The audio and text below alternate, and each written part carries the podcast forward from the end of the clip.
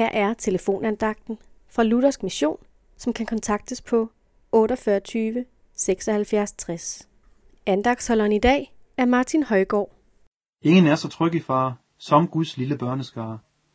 Sådan lyder de to første linjer af en, for mange, kendt børnesang. Sangen handler om den tryghed, der findes for dem, som tror på Gud, for de, som er hans børneskare.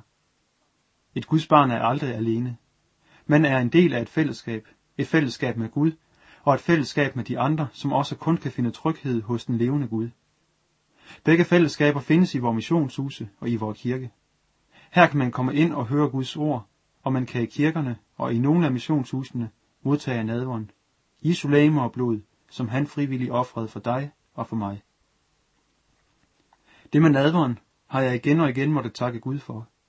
Jeg er utrolig taknemmelig for, at Jesus indstiftede nadvånd, så jeg helt konkret kan komme og modtage Jesu læme og blod i form af brød og vin, og dermed igen og igen få at vide, at dette har han virkelig gjort for mig.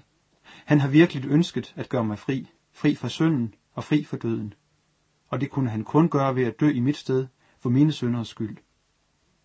Udenforstående mener, at kristne er alt forbundne, men i virkeligheden er de kristne helt og aldeles frie. De er bundet til Kristus, ja, men netop det giver dem frihed til at leve deres liv under Guds tryghed i hverdagen. Det giver dem frihed til at kaste al bekymring og alle ting over på Gud.